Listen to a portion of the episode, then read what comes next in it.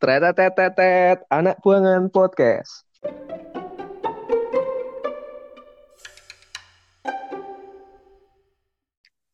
Halo, selamat malam, selamat pagi, selamat siang, selamat sore. Lama podcast anak buangan nggak up, upload episode kurang lebih sebulan lebih. Terakhir upload itu kalau nggak salah 23 Juli. Gara-gara? Ya, kan. Gara-gara sibuk kerjaan dan sampai kosan tinggal tidur. Wah, jadi sibuk Iya. dia puter-puter. Dan hasilnya? Dan hasilnya, ya sekarang bisa upload episode karena Oh, reaktif COVID. COVID. Akhirnya bisa apa mau bahas apa, Akhirnya saja. reaktif COVID. Ya, Mul gimana kabarnya? Alhamdulillah, luar biasa. Allahu Akbar. Ini agak sibuk juga sih. Punya aku juga ada kegiatan di kantor. Ya itu bingung ngatur waktunya karena sampai kosan langsung mak mandi makan tidur. Setiap hari kayak gitu? Jadi Berulang aja. kurang lebih Setiap hari kayak itu berulang aja ya kan? Sabtu Minggu buat istirahat. Kalau nggak ada kerjaan ya nyantai, kalau ada kerjaan ya nyelesain kerjaan. Aduh, itu mah enak. Punyaku malah di ini, diambil hak liburku. Wah, Jadi kemarin tuh aku malah dapat hak, hak libur malah diambil gara-gara masih ada kerjaan. Jadi nggak libur nih satu ini. Terus aku udah diksar lak- latsar itu udah selesai kayaknya. oke lah. Yang sejak dulu itu latsar, terus sekarang udah selesai. Ya, kalau bahas masalah COVID kan ada habisnya. Akhirnya kayak Akhirnya setelah melihat di media teman-teman reaktif, akhirnya saya sendiri mengalami apa itu yang namanya reaktif. nah reaktif. Tapanya gimana sih reaktif dulu atau gimana deh? Rapid. Jadi kemarin itu eh, memang ada jadwal rapid di kantor, ada jadwal rapid test semua karyawan. Hari Senin rapidnya tanggal 14 September. Di rapid hasilnya itu kurang lebih jam setelah itu langsung keluar. Jadi posisinya Sabtu sama Minggunya tanggal 12 13 aku berbeda karena Liga Inggris comeback nonton bola kan. Nah, minggu itu udah niatan jam 10 itu cuman Ternyata. Makan mata nggak tidur tidur sampai jam 3 jam 3 baru tiga. tidur. Jam setengah 8 berangkat ke kantor jam 11 jadwalku buat rapid. Ya karena tidak merasakan ngantuk nggak merasakan batuk pilek atau apa ya memberanikan diri dengan santainya. Seret, seret. Di rapid diambil darahnya sama tes urin untuk tes urin Obat- positif narkoboy. Nah, kalau ada giliran rapid jam 11 jam setengah 12 eh jam 11.15 apa setengah 12 beres. Terus jam 12 istirahat. Istirahat makan ditelepon sama petugas yang rapid bahwa saya reaktif. Langsung kantor, positif. stop, pulang ke kosan. Terus Langsung. itu yang reaktif berapa orang? Ya kalau itu dirahasiakan saja. Dirahasiakan saja. Nah, habis rapid, akhirnya suruh isi dat- data pendataan kayak gitu, kayak kunjungan dan lain sebagainya.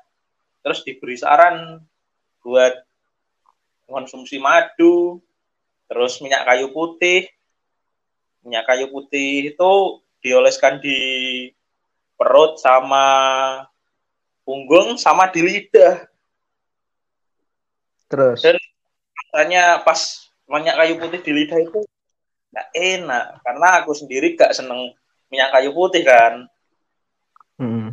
Nah, kurang lebih hari Kamis, Kamis sore itu langsung aku di swab. Datang ke rumah Di sakit swab. di sini di swab terus isolasi mandiri sampai hasilnya keluar jadi ya nggak ke kantor cuma berdiam diri di kosan makanya itu buat take podcast kayak gitu Gini deh, gini deh. Kan lu perantau ya kan di sana kan. hmm. Nah, kan nggak ada orang ya, nggak ada yang orang kenal gitu. Siapa yang beri lu makan deh? nah ini sih susahnya jadi perantau sendirian belum berkeluarga jadi yang makan memanfaatkan teknologi di sini ada ojek online kearifan lokal namanya Jego ya udah pesan makan dari situ kalau nggak gitu ada tukang pak tukang sayur keliling itu mampir di kosanku kan tuh di situ nyetok ak aku aqua kerdus biar nggak keluar keluar udah gitu aja hidupku sehari-hari Hmm, untung ya kan. Bisa. Keluar. ini. itu aja sih beli makan dibungkus langsung balik kosan Hmm. Benar benar benar. Tapi kadang nggak ada kala apa ya yang reaktif tuh malah gak ada tanggung jawab moral. Ini bagus loh udah ada tanggung jawab moral gitu. Di, di sini kan kalau gue sendiri tuh apa ya? Gue itu masih percaya gitu loh omongannya si ini menteri menteri dokter Terawan itu. Bapak dokter Bapak menteri kalau sebenarnya COVID itu self limiting disease gitu loh. Tapi itu bener gak sih self limiting disease entah ya itu karena entah itu framing gue di Menkes itu juga dokter, nggak mungkin dia salah 100% atau nggak mungkin dia benar 100%. Jadi ada peluang buat bener buat dia, kalau menurut gue sih. Terus yang kedua, ya gue emang gak ke mana-mana. Cuma kemarin gue sempet ngopi sih sama orang yang reaktif. Reaktif ini, reaktif rapid juga. Dia ini malah lebih aneh lagi gitu. Dia pulang, habis pulang dari dari Kediri, dari Jawa, terus ke Ambon, ke Ambon ini. Ya kondisi badan capek semua kan. Di Surabaya di rapid non reaktif. Waktu di Ambon di rapid lagi, dia reaktif. Wah. Kan? Udah cuman malamnya hmm? Katanya itu reaktif itu berpengaruh sama kondisi badan misalkan capek atau istirahat itu hasilnya pasti reaktif sama mungkin ada kayak gejala batu atau apa itu pasti hasilnya reaktif katanya gitu cuma aku mikirnya gitu yo ya. bener aja karena malam sebelumnya begadang Ya wajar aja sih. Maksudnya gini, Det. Kalau lu tracing gitu, Let. Lo pernah main ke mana gitu? Pernah main ke mana sama siapa dan orang itu ternyata positif juga atau enggak gitu? Reaktif juga atau enggak gitu?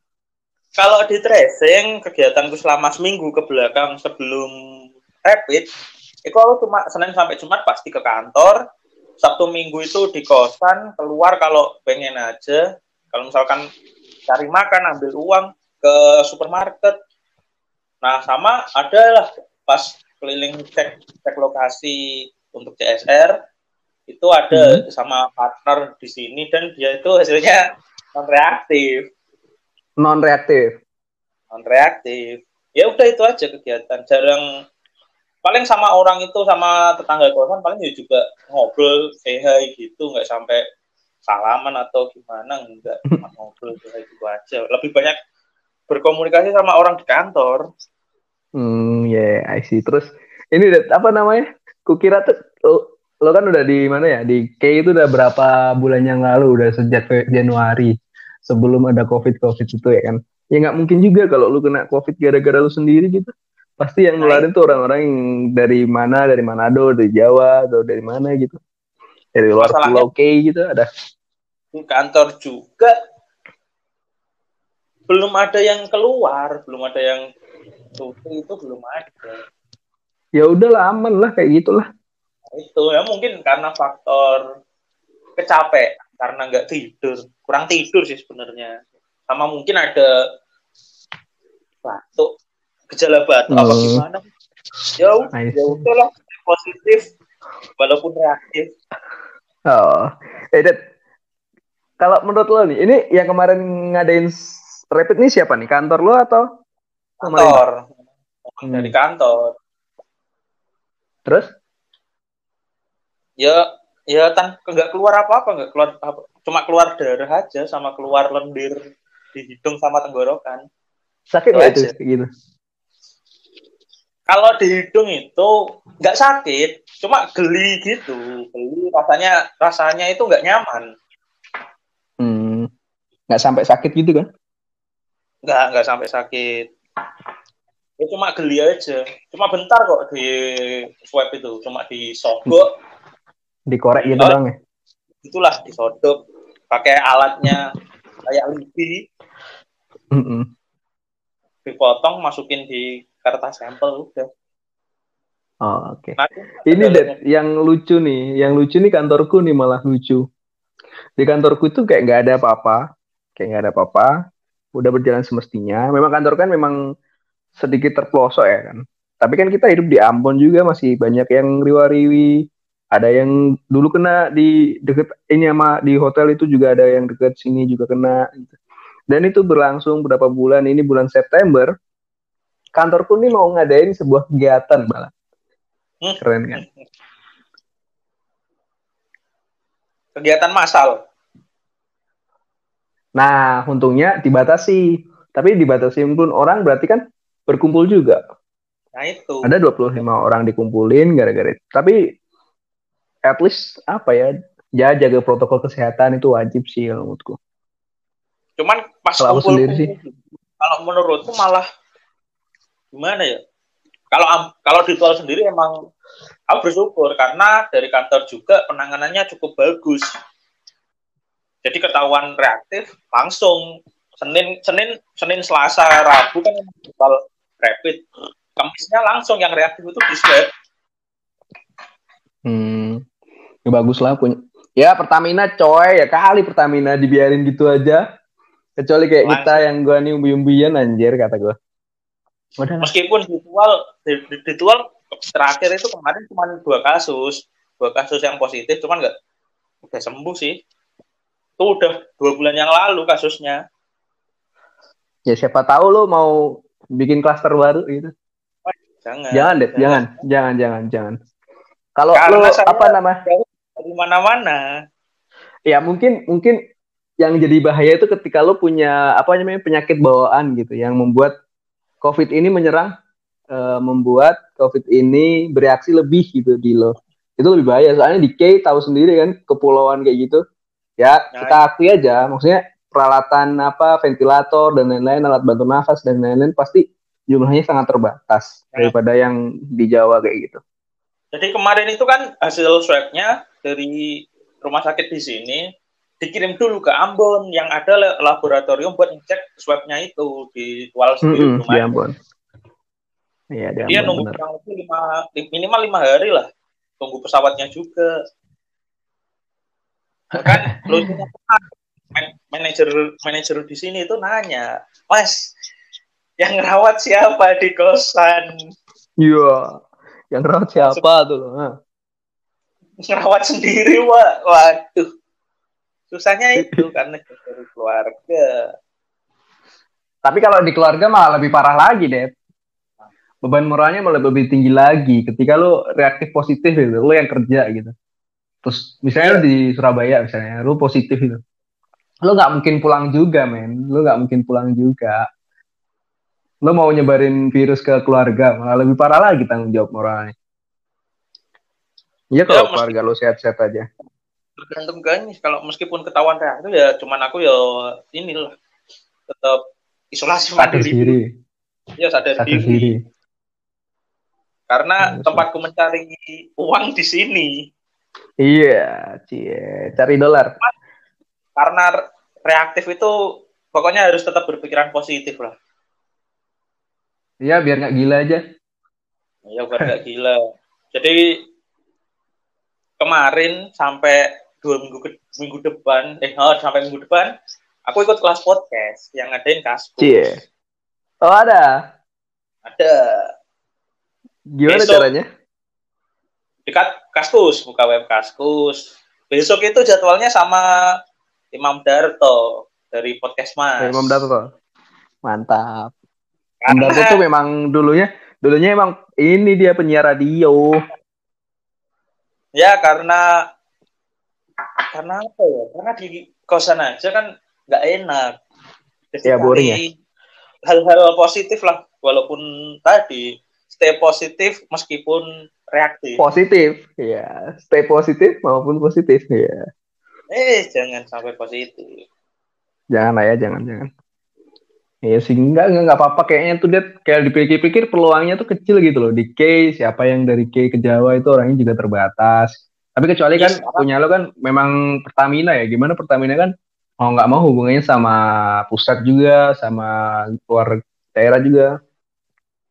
Nah itu. Ya bersyukurlah langsung langsung di ini tangani dengan baik mm -hmm. langsung di stop mantap Amin. tapi perusahaan gitu juga nyetopin kegiatannya enggak enggak karena kalau berhenti ya otomatis suplai BBM di sini terhenti Gitu ya? Hmm. Ngeri ngeri. Itu punya punyamu itu apa dek? Punya aku itu di sini full terminal, jadi tangki-tangki BBM mulai dari Pertamax, Pertalite, Premium, Solar, Dexlite, eh, oh hmm. Aftur itu di sini ada tangkinya, jadi ada tiap hari itu truk-truk truk tangki pasti masuk buat ngambil ambil BBM buat distribusikan ke K kecil dan K besar. Anjir, berarti pusat ya di sana ya? Hmm? Pusat K, pusat di K. Iya, kayak gitu ya. Ya syukurlah dapat apa namanya? Pe perhatian lebih itu. Nah itu. Alhamdulillahnya itu ya. Itulah cuman ya merasakan lah gimana rasanya WFH work from kosan paling juga nggak ada kerjaan sih isolasi mandiri nger ngerjain kerjaan kalau udah beres rebahan di kasur.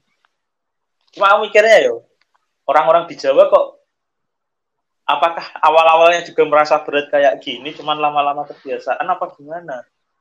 Ah, beda beda cerita deh beda cerita. Itu kan lo juga masih diuntungin gitu lo ada perusahaan yang nanggung lo masih dapat gaji kayak gitu. Coba lo bayangin di posisi yang kerjaan ketika lo nggak gerak lo nggak makan. Nah itu sih kayak mana lagi? Kalau ya kalau masih ada tabungan kalau nggak ada. Nah kacau nih apa namanya? Menurutku nih pemerintah juga agak bingung juga mau ngadapinya gimana. Aku nontonin YouTube-nya Mardigu itu kayak gitu. Kali bilang-bilang bener juga sih apa yang dibilang Mardigu tuh otomatis apa ya? Penanganan COVID tuh harus yang utama gitu kalaupun nggak mau pengen ekonominya keluar ya udah dibedain gitu dimulai dari misalnya dimulai dari perdesaan gitu kan memanfaatkan apa namanya bebinsa itu ngasih gelang yang reaktif pertama yang reaktif mana yang nggak reaktif mana nanti di satu-satu gitu kan. Nah, nanti dikepung ke kota gitu kan jadi lebih apa ya terstruktur gitu. Nah, sekarang pemerintah tuh bingung gitu. Pemerintah tuh mau jalanin ekonomi ya salah juga, gak dijalanin ya. Kayaknya kuartal 3 juga pasti negatif sih kayak gini. Kemungkinan, nah cuman susah telat telat juga untuk ngetrack siapa yang positif itu berhubungan sama siapa aja. Sama kesadaran masyarakat juga. Udah ke, masih uh, apa ya? asli jalan tuh. Punya positif atau reaktif ya bu ya istilahnya sadar diri dulu lah. Jangan merugikan orang lain. Jangan ngumpul-ngumpul dulu. Uh, kalau uh, uh, benar ah, enggak enggak enggak kalau gue sendiri sih gini. Kalau lu mau kalau lu mau main-main kalau lu apa namanya misalnya kemarin ada yang lucu tuh.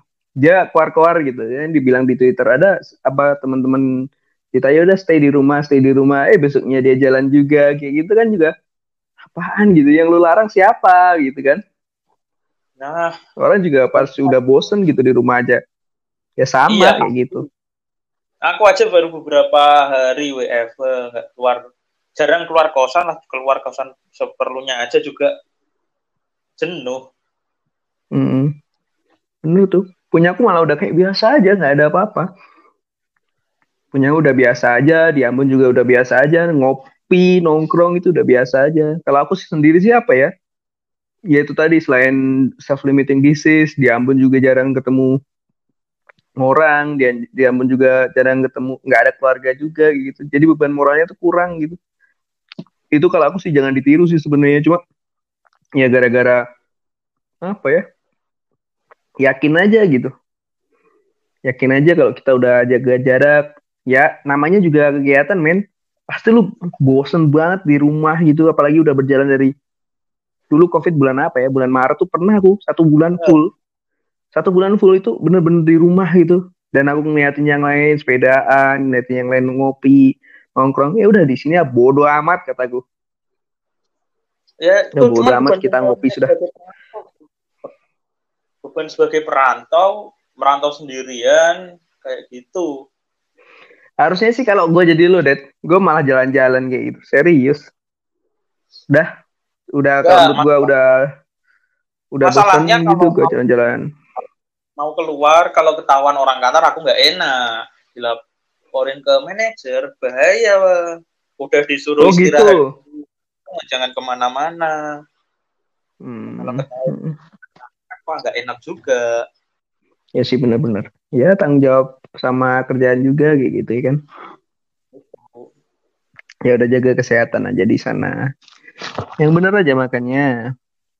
Ya udah berarti kegiatanku ini cuma mantengin laptop kerja liatin kerjaan ikut-ikut kelas-kelas online gitu terus ambil positifnya sih sebenarnya jadi ada waktu buat merenungi nasib, memikirkan masa depan juga.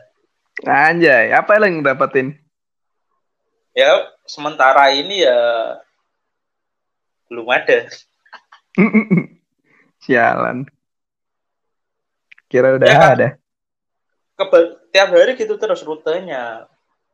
Ba tidur, bangun, mandi, makan, buka laptop, cek kerjaan, beres, rebahan gitu terus lah tiap hari.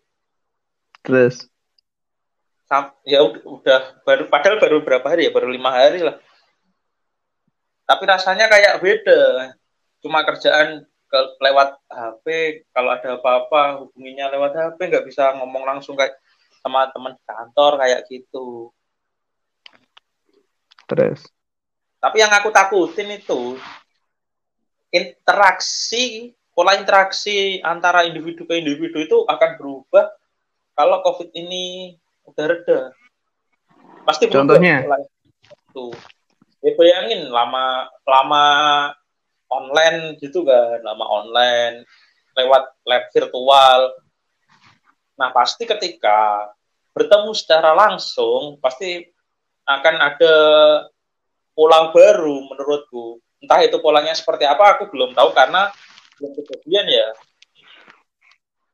kalau menurutku sih nggak se ekstrim itu deh pas pada akhirnya itu kayak sebuah elastisitas pada suatu kejadian ya bakal terbentuk kejadian apa namanya kebiasaan lagi gitu misalnya sekarang nggak ada yang selaman ya selaman jarang gitu tapi pada akhirnya juga selaman selaman juga kalau ketemu saling percaya gitu kan itu juga kayak di warung-warung itu aneh juga sih ada warna apa namanya penghalang kayak gitu. Jadi buat apa? Kalau dia ketemu kan berarti tanggung jawab apa namanya dia udah percaya kalau dia post apa namanya dia nggak reaktif, gue nggak bawa reaktif kayak gitu kan. Cuman ya kayak apa buat, ya? Buat apa ya namanya? Buat pencegahan. Karena kan Anjay, enggak rapid. Ya juga sih, tapi lo lihat deh ke apa ya? Dulu lo pernah ini nggak HIV AIDS itu? Itu kan di banyaknya gara-gara pertukaran apa namanya? Pertukaran dia di lokalisasi gitu kan. Nah, ketika lu masuk lokalisasi lu bakal pasti bakal percaya kalau minimal lu tahu resikonya lu masuk lokalisasi gitu. Kalau menurut gue sih gitu. Jadi ketika lu udah ketemu misalnya hmm, misalnya gue ketemu sama si kemarin yang reaktif positif ya. Ya udah gue bakal tahu kalau gue bakal kalau dia positif beneran gue juga bakal positif itu minimal. Terus gue bisa nggak nanggung resikonya? Oh ternyata ya udah sih. Itu kalau dipikir-pikir dia juga juga nggak mungkin reaktif gara-gara mungkin dia kecapean aja kayak gitu. Gitu aja sih. Jadi nggak terlalu ekstrim. Yang lucu kemarin itu yang pas ospek-ospek online itu. Nganjir anjir bodoh terus. kan ospek ketemu langsung ketemu langsung jadi kayak senior marah-marah kan feelnya beda bayangin online anjir. Tapi kasihan deh itu det yang seniornya akhirnya dibully dia tuh. Anjir dibully satu dibully satu negara aja itu mentalnya gimana dia tuh. jadi itu gobloknya gobloknya seniornya itu udah tahu online Ya bukan kalau menurut gue bukan gobloknya dia, Det. Dia tuh punya tanggung jawab moral untuk membentuk adiknya ini mempunyai apa namanya? Mempunyai dia itu punya jiwa yang pantang menyerah. Kalau menurut gue ya, menurut gue. Senior itu pasti kayak gitu. Gua gue mau adik gue ini lebih kuat dari gue. Gue mau adik gue ini mem- membawa apa namanya? ditanamkan bibit-bibit positif. Gue mau adik gue ini kan gue kan apalagi senioritas banget ya di gue tuh. Jadi gue nanggepin orang-orang yang apa namanya? Ih buat apa? Ih buat apa ospek? Ketika lu ospek dan ketika lu nggak ospek lu bakal tahu bedanya. Kapan bedanya tahu? Ya ketika kamu ngelakuin. Nah sekarang yang bilang buat apa ospek padahal dia nggak pernah ospek ya ngapain dia bilang kayak gitu gitu?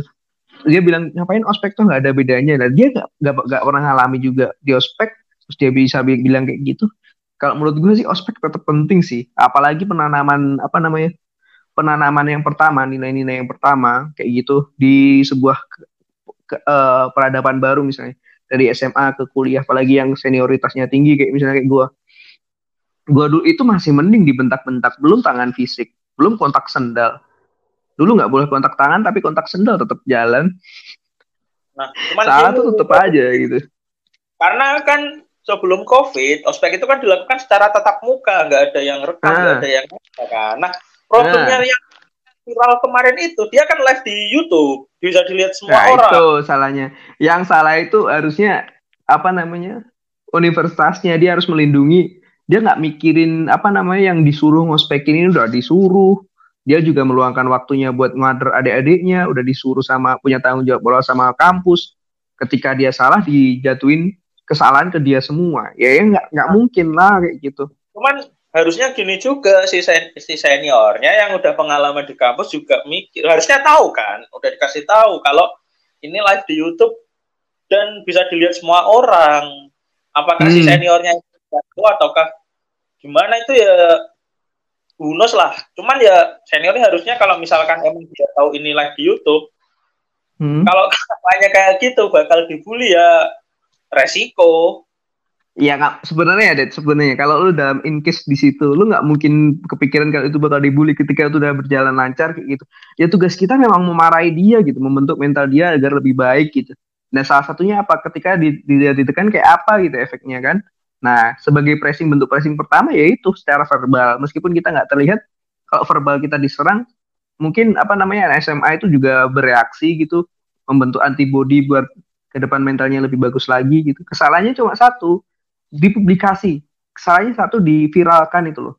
Jadi yang yang menurut gue yang salah itu yang memviralkan itu memang tanggung jawab ospek tanggung jawab kampus dia punya tanggung jawab kepada civitas apa namanya di kampus kayak gitu.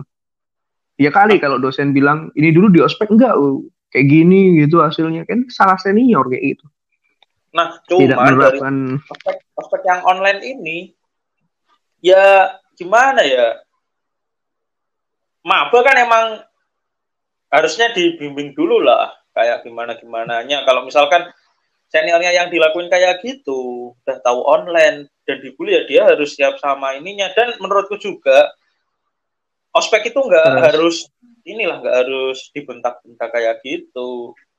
Jadi apain ya kalau menurutku ya kita sebagai senior ya kayaknya harusnya duduk bareng lah ngebimbing. Karena diajak ngobrol lah, intinya diajak ngobrol secara baik kayak di kampus tuh kayak gimana kuliah itu kayak gimana nggak melulu harus divisi.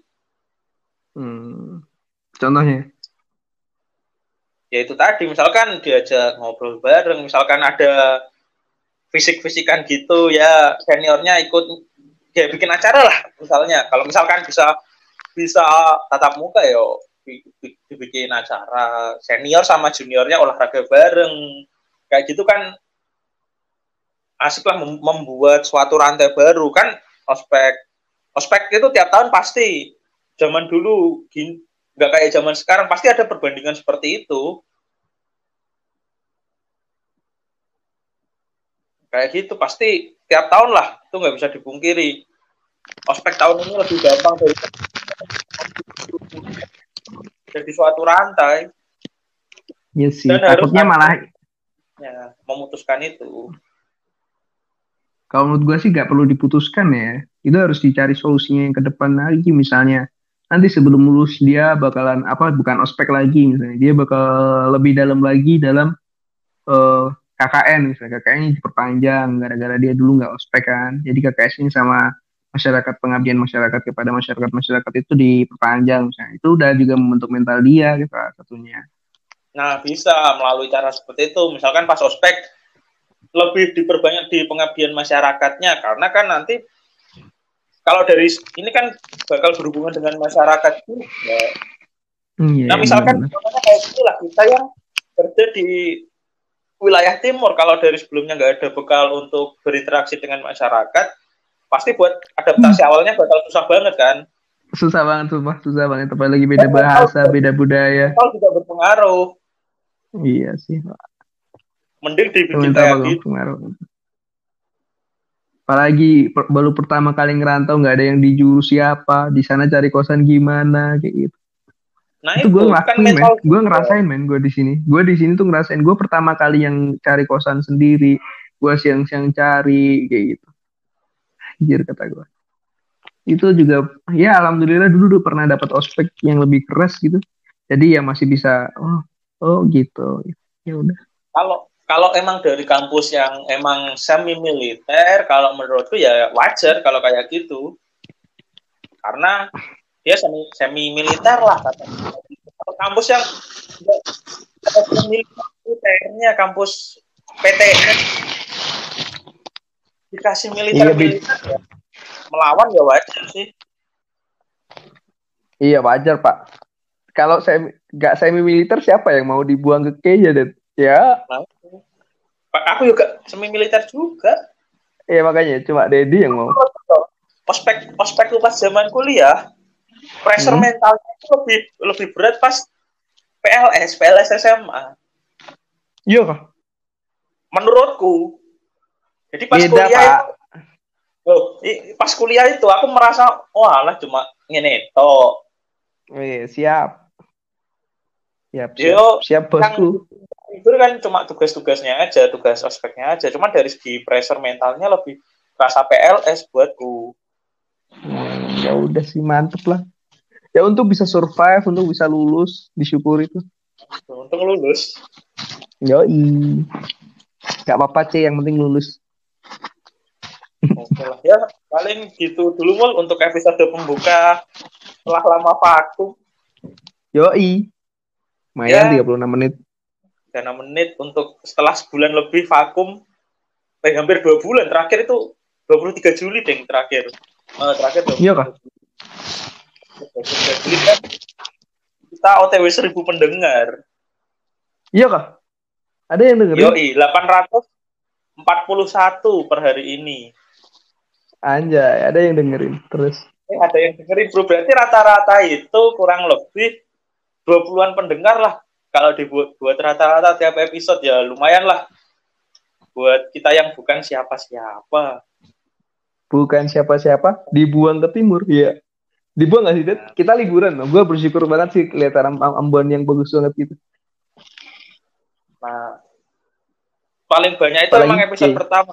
91 pendengar. Anjay, terus.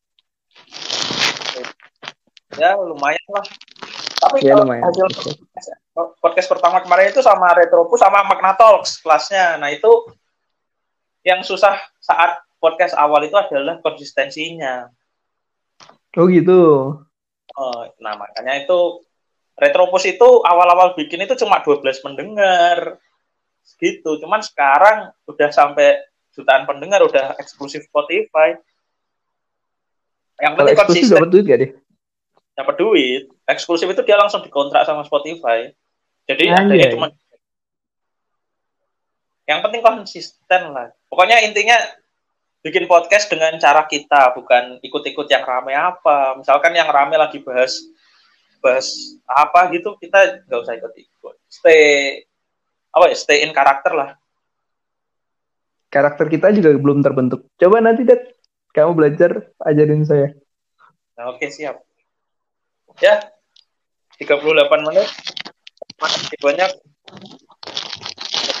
Terima kasih. Episode selanjutnya. See you. Dadah.